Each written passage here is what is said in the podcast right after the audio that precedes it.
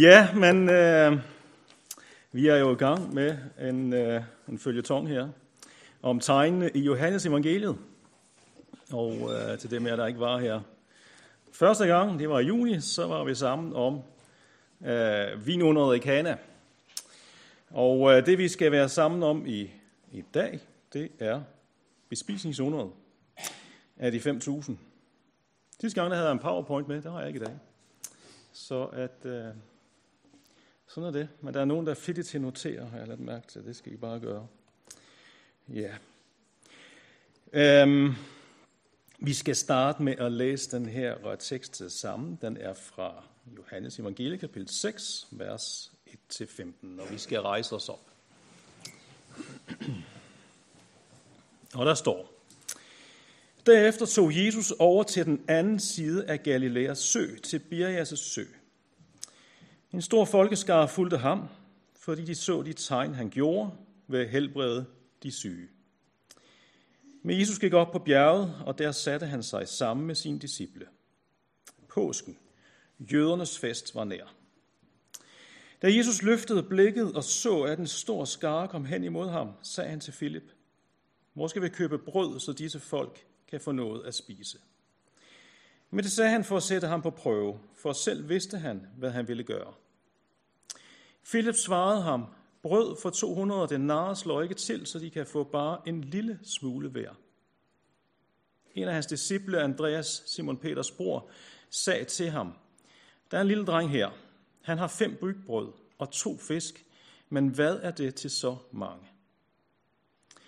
Jesus sagde, få folk til at sætte sig. Der var meget græs på stedet. Mændene satte sig, de var omkring 5.000.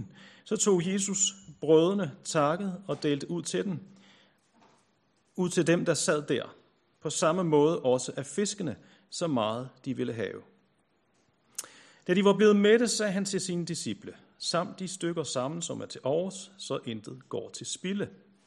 Så samlede de dem sammen og fyldte 12 kurve fulde med de stykker, af de fem bygbrød, som var til overs efter dem, der havde spist.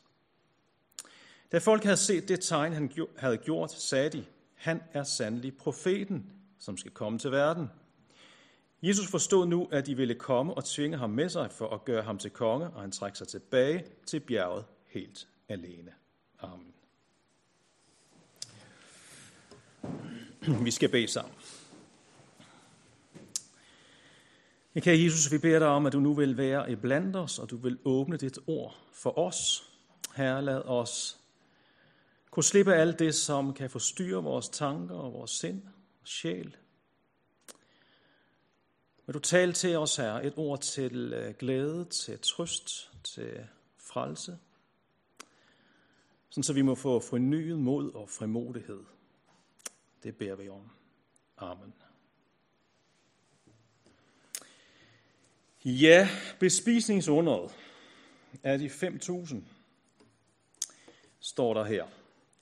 Det er sådan set ikke noget, der står i selve teksten, men det står bare i, i overskriften. Men fra de andre evangelier, så ved vi, at der var cirka 5.000 mænd og kvinder, foruden kvinder og, og mænd til stede den her, den her dag her, hvor Jesus gør det her under.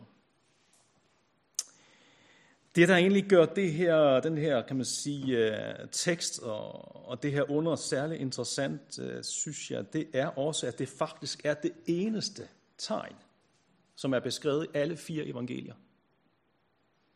Der er mange af de tegn og under, vi hører om, som bliver beskrevet i flere evangelier. Men det her det er faktisk det eneste, som bliver beskrevet i alle fire evangelier.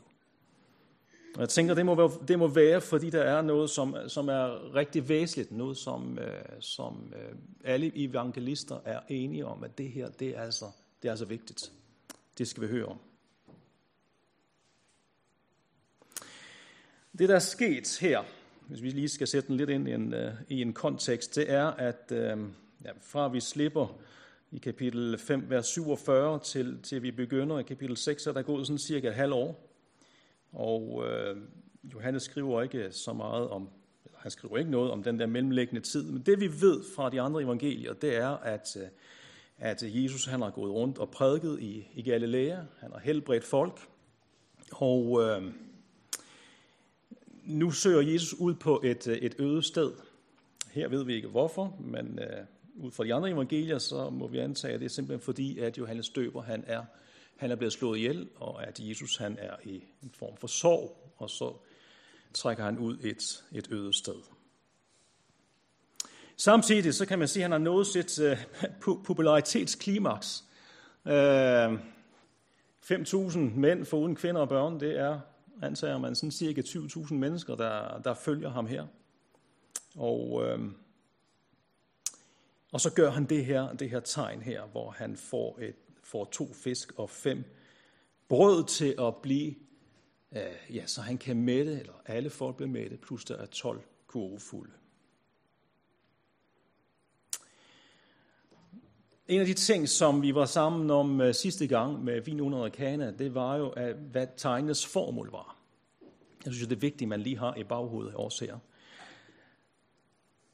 Johannes, når han, øh, når han øh, tager de tegn, han tager med, de under, han tager med, som han beskriver, de skal alle sammen vise noget om Jesu herlighed. De skal åbenbare, hvem Jesus han virkelig er. Og det er også noget af det, som vi kommer til at øh, til at se i dag, håber jeg. Der er sådan nogle små detaljer. Altså, der, der, når man sidder og arbejder med sådan her ting, det er jo sådan, øh, eller sådan en tekst her, der er jo simpelthen så mange forskellige ting der, og når man begynder at læse forskellige bøger, der er jo tusind ting, man kunne tage med, og så skal man til at sortere. En af de ting, og en af de detaljer, jeg synes, der er lidt væsentligt at, at tage med, som jeg tænker, det, det lægger man måske ikke mærke til, men den, øh, den som øh, den, som levede på den her tid, og som læste Johannes evangeliet, altså de første kristne, det vil, det vil lige nok lægge mærke til, det er, at, at der står, at, at Jesus han trækker sig, eller han går op på et bjerg. Han går op på et bjerg. Og øh, nu har jeg været nede her ved Genesaret sø her, og det, der er lidt bjerge op mod Golanhøjden, og ikke sådan voldsom højden ned til, øh, til Genesaret sø. Så jeg er ret sikker på, at det ikke den geografiske betydning, bjerg, vi skal, vi skal tænke på her. Øh, I den her forstand, så kunne Hammershus, det hvor det ligger på den knold, det kunne sådan set også være et bjerg. Det er et bakkedrag. Men det, der er interessant, det er jo, at, øh, at hvis man læser i Gamle Testamente, øh, hvor, hvor er det, at, at Gud han åbenbarer sig? Hvor er det, vi ser underne ske? Det er ofte på et bjerg. Jeg kan tage et par eksempler. Moses, de ti bud, Sinai-bjerg.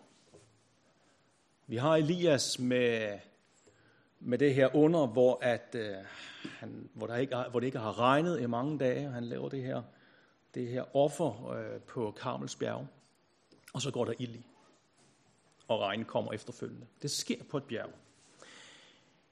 Så den, øh, den, der ligesom har kendskab til den øh, forståelse af bjerg, øh, forventer ligesom, jamen nu sker der noget.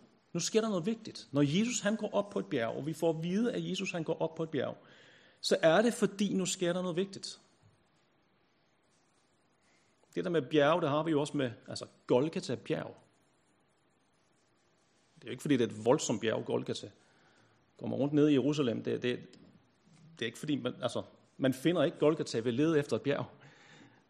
Men det er simpelthen bare der, hvor tingene de sker. Det er der, at Jesus han åbenbarer sig. Nu var der jo en fin lille øh, video her, vi, øh, vi fik at se her, og øhm, der hørte vi også om Philip. Og øhm, vi skal se lidt på, på det her i starten her, fordi nu er der en stor flok, folk, eller flok, som har fulgt Jesus her. Og det er snart aften, og folk de er sultne. Og øh, hvad gør man så? Ja, Jesus han ønsker at mætte de her mennesker.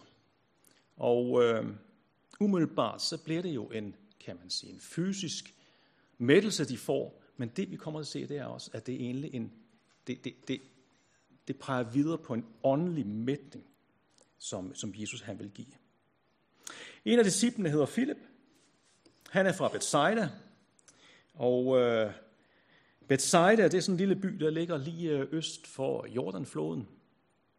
Når der står her, at øh, de gik over på den anden side af søen, så det er også sådan en, en, en, en lidt sjov betegnelse, fordi hvis vi siger, at vi går i den, går over til den anden side af Nexø for eksempel, jamen så, så, så går vi jo sådan helt over til den anden side, vil vi, vil vi jo mene. Men i den her betydning her, så er det jo sådan noget med, at der, der går simpelthen en, en flod, Jordanfloden, som kommer op fra, fra, øh, fra Bjerg, Hermonbjerg og ned gennem Huladalen, og så, så kan man sige, så skiller den faktisk Genesarets sø i, i to dele. Så har man sådan en østlig og en vestlig side, så bare det, man krydser Jordanfloden, så er man på den anden side af søen. Men han er fra Bethsaida, han er lo, han er jo øh, lokalkendt, så. så er det jo logisk, at øh, Jesus han spørger Philip, Philip, hvad skal vi gøre? Vi mangler mad her. Hvad har du af, af forslag? Og det er jo egentlig ikke fordi, at Jesus han er kommet ud i problemer her. Det er ikke fordi, at Jesus han har mistet overblikket, og han ikke ved, hvad han skal gøre. Jesus han har fuldstændig styr på situationen. Men han ønsker at involvere sine disciple i det her. Hvad skal vi gøre, Philip? Og Philip han ved knap nok, hvad han skal sige.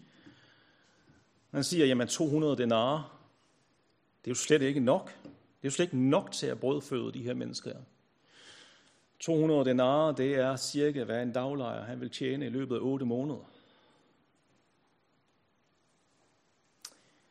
Så der skal jo voldsomt mange ressourcer til her. Andreas, en af de andre disciple, han kommer Philip til undsætning. Andreas og Simon, de er faktisk også fra Bethsaida, samme by som, øh, som Andreas. Og øh, Andreas han har fundet en lille dreng, som har fem bygbrød og to fisk. Men hvad er det til så mange mennesker? Det er jo bare, det er jo bare smugler. Situationen den er jo praktisk taget håbløs. Og øh, hvad skal de gøre? Jeg synes, det, jeg synes, det er værd at lægge mærke til deres tankegang. Jeg tror, det, jeg, tror, jeg kan være, nu taler jeg måske for mig selv, men jeg tror, at øh, vi ofte kan havne i samme situation som disciplene her. Altså, hvad gør man, når man støder på et problem? Ja, hvad er logisk muligt? Hvad kan lade sig gøre? Hvad kan egentlig lade sig gøre? 20.000 mennesker, de skal mættes. Okay. Lad os lige sætte os ned, lave et lille forum her. Hvad kan, hvad kan lade sig gøre? Hvad har vi af midler? Hvad kan vi få ud af dem?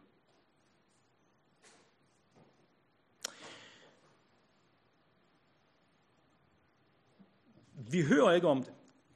Jesus, eller Johannes har i hvert fald ikke skrevet det. At der er nogen af disciplene, som siger til Jesus, øh, Jesus, vi aner ikke, hvad vi skal gøre. Altså, Jesus, det her, det må være dit problem. Det, det kan vi ikke overskue. Vi aner ikke, hvad vi skal gøre. Du må hjælpe os. Altså, og så skal jeg tænke, hvorfor, hvorfor, hvorfor gør de ikke det? Er det sådan en øh, form for forlegenhed, eller generthed, eller man vil ikke være påtrængende? Jesus har jo vigtigere ting at, at tage sig til måske, og han har haft det hårdt, og han lige så over Johannes Døber er død, og han har prædiket hele dagen, og så kunne vi da mindst det godt gøre lidt her, ikke? Bare det at mætte folk, det kunne vi da godt, ikke? Er det en manglende forståelse af, hvem Jesus han egentlig er? Altså, de har gået sammen i en rumtid. De har set hver dag, hvad Jesus han har gjort og hvad han har sagt. Men har de egentlig forstået, hvem han er? Hvorfor er det så svært at bede Jesus om hjælp?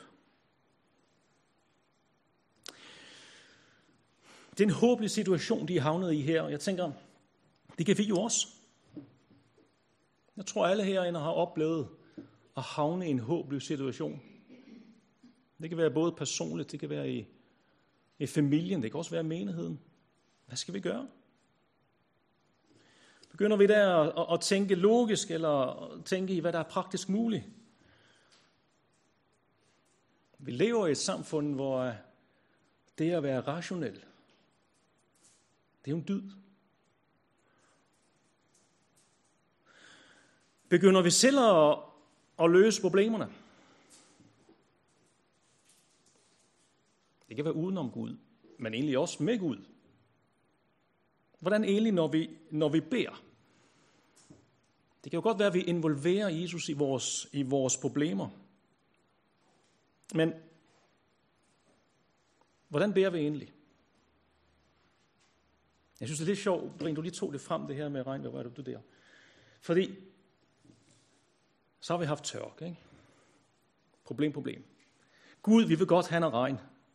Okay, nu skal I få noget regn. Ej, Gud, nu vil vi altså godt have tør vejr. Jeg synes, der er en... Øh, altså,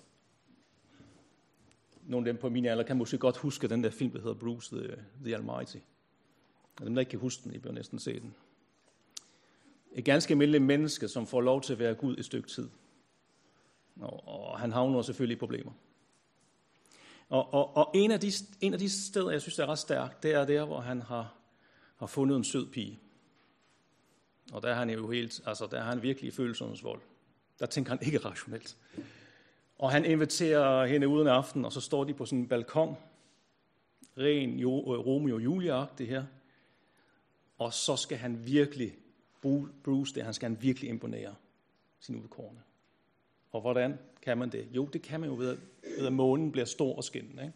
Og det bliver den så. Han får lige trukket månen lidt ind, og hun er virkelig, hun er virkelig benovet. Og han er jo glad, for han har fået det, som han vil have. Næste morgen, når han tænder på fjernsynet, så kan han så, kan han så se, at over på den anden side af kloden, der har der været voldsomme oversvømmelser. Fordi at der er noget med, med højvand og lavvand og målen, ikke?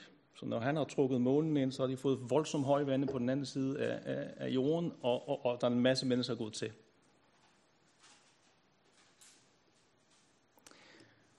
Jeg er glad for, at jeg ikke er Gud. For jeg tror nogle gange, så beder vi, Gud, nu må du hjælpe os. Og vi har lige det og det og det og det og det forslag til, hvordan du skal hjælpe os. For så skal det nok gå, tænker vi. Jeg tror faktisk, at Jesus han godt kunne tænke sig, ja, han vil gerne have, at vi, vi involverer ham for det første. Men jeg tror faktisk også, at han har en løsning til, hvordan vi skal bede ham om hjælp. Tænk sig, hvis disciplen her lige har sagt til ham, Jesus, vi aner simpelthen ikke, hvad vi skal gøre. Vi har ikke engang et forslag til, hvad der kan lade sig gøre. Du, Jesus, må løse det, som du ser det bedst kan lade sig gøre.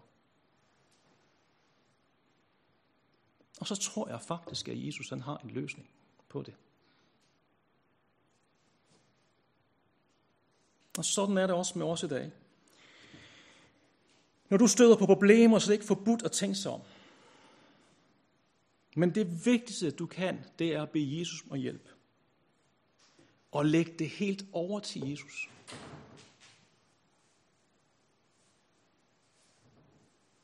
Han har styr på det. Han har al magt. Det så vi jo sidste gang. Jesus han er skaberen. Alt er blevet til ved ham. Han har al magt. Der er ingen grund til øh, frygt og uro, for Jesus han har styr på det. For dig. Også sådan en verden her med, med krigslarm og for højet vandstand og for varmt vand og for våd sommer og hungersnød og hvad der ellers er, og sygdom. Jesus han har styr på det. Og Jesus han, han løser problemerne sådan, som han ser det bedst.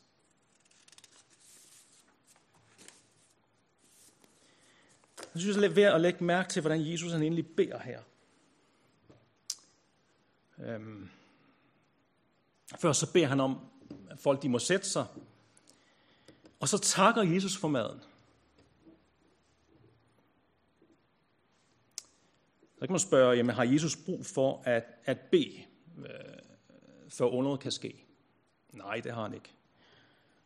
Jesus han er sand Gud, og mange andre steder, så, så, så hører man ikke om, at han beder, inden han gør det under. Der gør han det bare. Men jeg tror, at han gør det her, netop fordi han vil vise folk noget omkring bøn. Prøv at lægge mærke til, at Jesus han faktisk ikke beder om, at underet måske.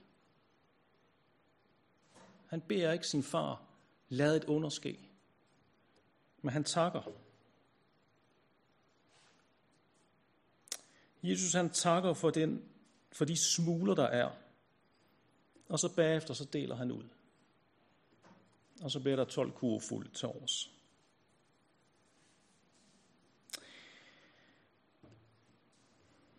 Jesus han viser her flere ting. Et. Jesus han viser hans øsselhed med sine gaver.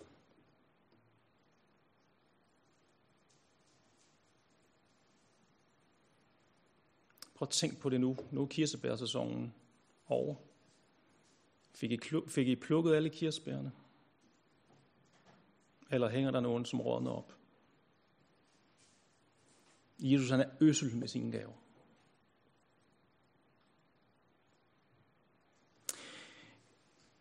Og så fortæller han jo egentlig også noget om, øh, om hvad sådan nogle smugler kan blive til. Det, som i begyndelsen ligner en håbløs mangelsituation, det vender Jesus til overflod. Altså, og nu bliver vi sådan meget firkantet matematikagtigt. Ikke? Smuler plus taknemmelighed, lige med velsignelse. Det er da fantastisk, ikke? Smuler plus taknemmelighed, lige med velsignelse. Det, som vi ser, som om det er håbløst, og det ikke er noget. Det er noget i Jesu hænder, i hans magt. Tak for de smuler, vi har. Så bliver der velsignelse. Måske ikke sådan, som vi forestiller os det. Men det bliver der. Der bliver velsignelse. Sig tak for det, du har.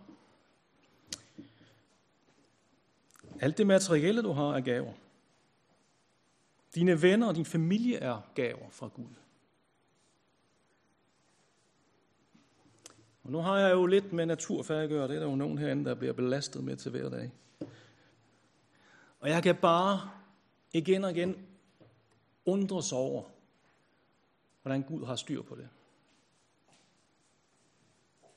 Jeg kan godt begynde at takke over mit åndedræt, mit blodomløb.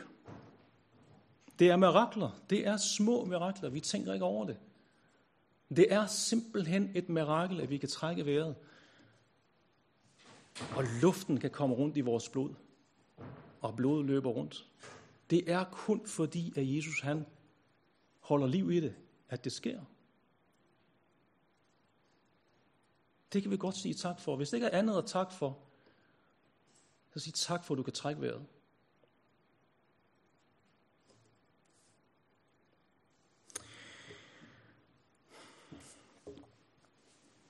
Skal vi se lidt mere på, øh, hvad det er, Jesus han egentlig siger og gør her. Den, den, øh, den der kender mig, og, eller, ja, den skarpe jagttager, har lagt mærke til, at vi faktisk ikke har læst en GT-tekst i dag. Altså en gammel testamentetekst. To tekster, der står så tæt på hinanden. Øh, jeg kunne lige så godt have taget en, øh, en tekst fra ørkenvandringen, eller jeg kunne have taget en tekst, hvor vi har fat i Elias, eller Isa, som begge møder nogle, nogle enker, som, øh, som mangler mad. Og jeg har valgt at tage den her tekst her med, øh, som står lige, lige efter ordet her. Efter at Jesus har mættet folket, så hører vi, at de ønsker at gøre ham til konge. I kan se det nede i vers 14-15. Hvorfor gør de det jo? De ønsker at få smidt romerne ud af landet. Folket her, de har simpelthen ikke forstået, hvad det er, Jesus han er kommet for og hvad det er, han, han vil vise med sin under. Altså, det her under her, det her tegn her, det får dem faktisk ikke til at tro på ham, som den han er. Tværtimod så gør det dem øh, en form for sværmeriske. Nu skal vi have Jesus til at være vores store held, vores store redning, vores jordiske konge som kan udfri os for alle vores jordiske trængsler. Men det er ikke det, han vil. Og vi hører, at han trækker sig tilbage. Helt alene. Og så er det, at øh, apostlene de sejler over på den anden side af søen, altså den anden side af Jordan, floden, til Capernaum. Og øh, undervejs så er der, bliver jo blæsevejr, det kan vi så læse i den mellemlæggende beretning her, vandringen på søen. Og næste dag, så er de i, øh, i Capernaum. Og øh, folket, de er, de er kommet helt ned fra Tiberias, det er sådan øh, hovedstaden deroppe i Galilea, også en by, der ligger ned til Genesarets sø. De er kommet for at se Jesus. Nok i håbet om at se den mand, som de håber på skal blive folkets stærke leder. Og det er så den her samtale her, som øh, Brian han læste fra til indledning. For der kommer så jøderne og Jesus i, i snak med hinanden. Og jøderne, de bliver, de bliver, de bliver slemt skuffet. For Jesus, han vil ikke det, som de ønsker. Og så spørger de, hvad skal vi gøre for at gøre Guds gerninger? Og jeg tror, at de har det i baghovedet, at jamen, hvad kan vi gøre for at, at udfri vores land for romerne, for den magt, indtaget. Og så siger Jesus, tro på ham, som, har, som Gud har udsendt. Altså tro på mig.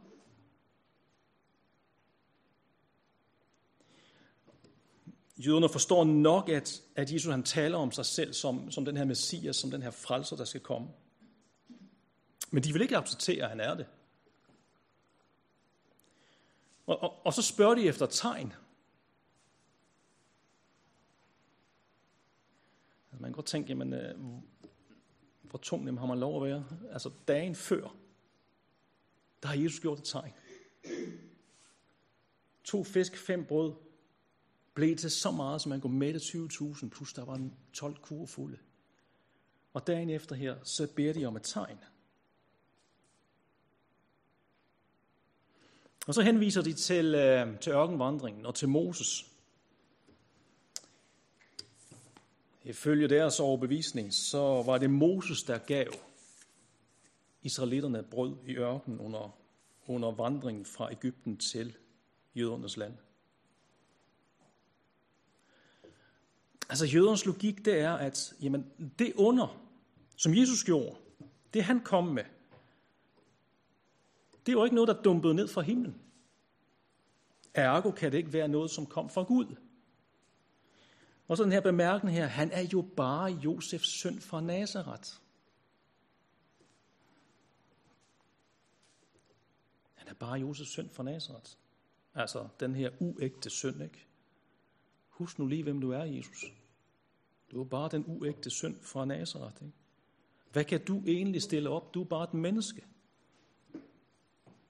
Og vi læser også, at jamen, det er faktisk udarter sig til en diskussion imellem de her jøder her.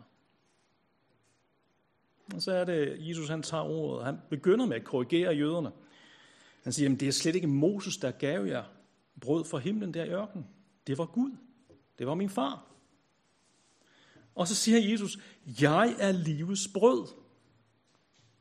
Jeg er livets brød.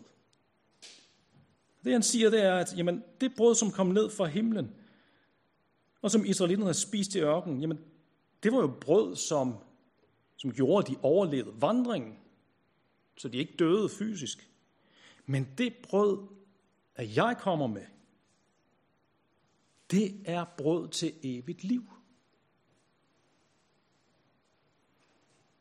Fem gange så siger Jesus, at den, der spiser af ham, skal ikke dø, men leve evigt. Hvis der er nogen, der noterer, det er vers 40, 50, 51, 54, 58.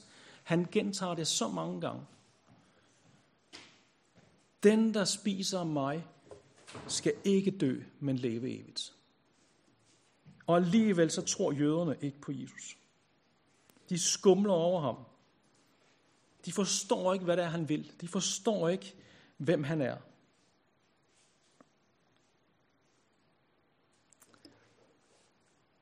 Vi kan måske trække på smilebåndet over det her, og, og sådan, jamen, det er da utroligt. Forstår I ikke, hvem Jesus han er? De vil have et tegn. Men det kan jeg også godt tage mig selv i. Hvor, hvor, hvor ofte hvor ofte tænker vi ikke, ej, hvor kunne det være dejligt, hvis Jesus han gjorde et konkret tegn. Så kunne jeg tro. Så var det nemmere at tro. Men de her jøder, de har gået, og de har set, hvad han har gjort. De har hørt, hvad han har sagt. Hvad fik det af konsekvenser? Hvis vi har læst videre i uh, kapitel 6 her, nede vers 60-71, så får vi faktisk at vide, at folk de vender sig fra ham. De går bort fra ham. Og til sidst så er der kun de 12 apostle tilbage. Det er da utroligt. De har gået op og ned af ham. De har set, hvad han har gjort. De har hørt, hvad han har sagt. Alligevel så tror de ikke. Og hvorfor gør de ikke det? Jesus han siger, det var en af de vers, vi så sprang over, men i kapitel 6, vers 44, der står der, Ingen kan komme til mig, hvis ikke faderen, som har sendt mig, drager ham.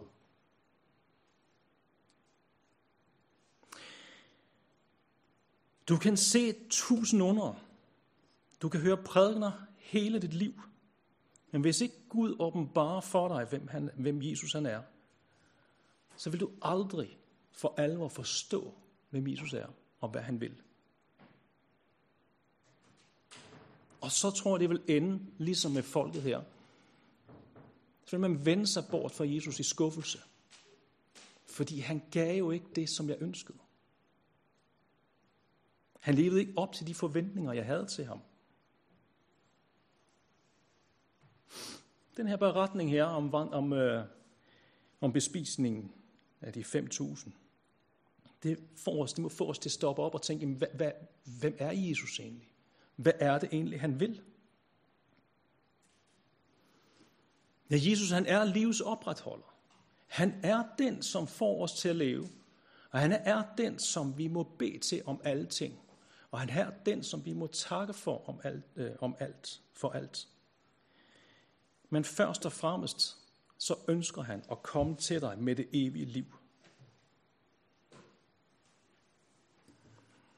I den prædiken, som, øh, som Jesus han har holdt, inden at han brød, eller mætter folket her, den kan vi jo læse om i Matteus evangeliet.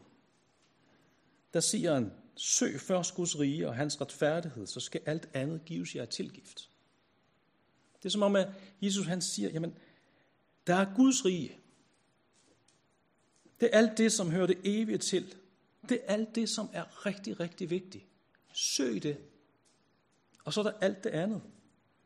Alt det, som er vigtigt for os mennesker. Og alt det, som vi gerne vil have løst. Jesus vil godt vise os, pointere. Det vigtige, det er det evige liv. Det er det, vi først og fremmest skal søge. Det er det, vi først og fremmest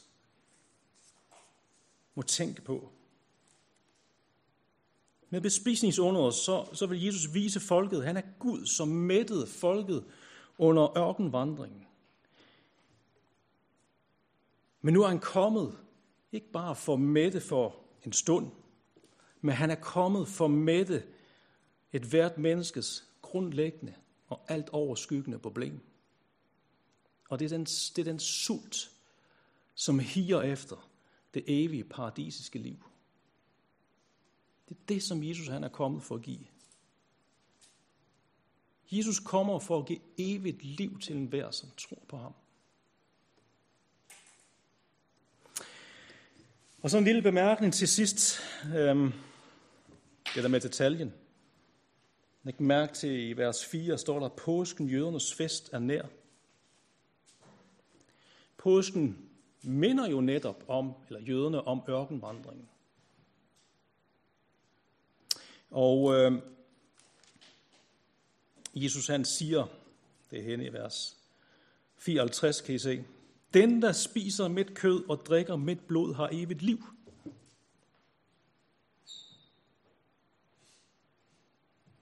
I påsken så slagtes offerlammet, og kødet og blodet er tegn på Guds udfrielse fra fangenskabet i Ægypten. Men nu så peger Jesus på, hans kød og hans blod skal udfri enhver, som tror fra døden. Ikke fra et jordisk fangenskab, men fra dødens fangenskab.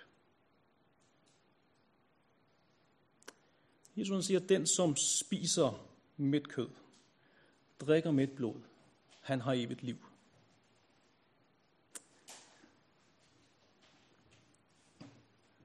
Nu har vi haft om bespisningsunderet, hvor han siger, at jeg er livets brød.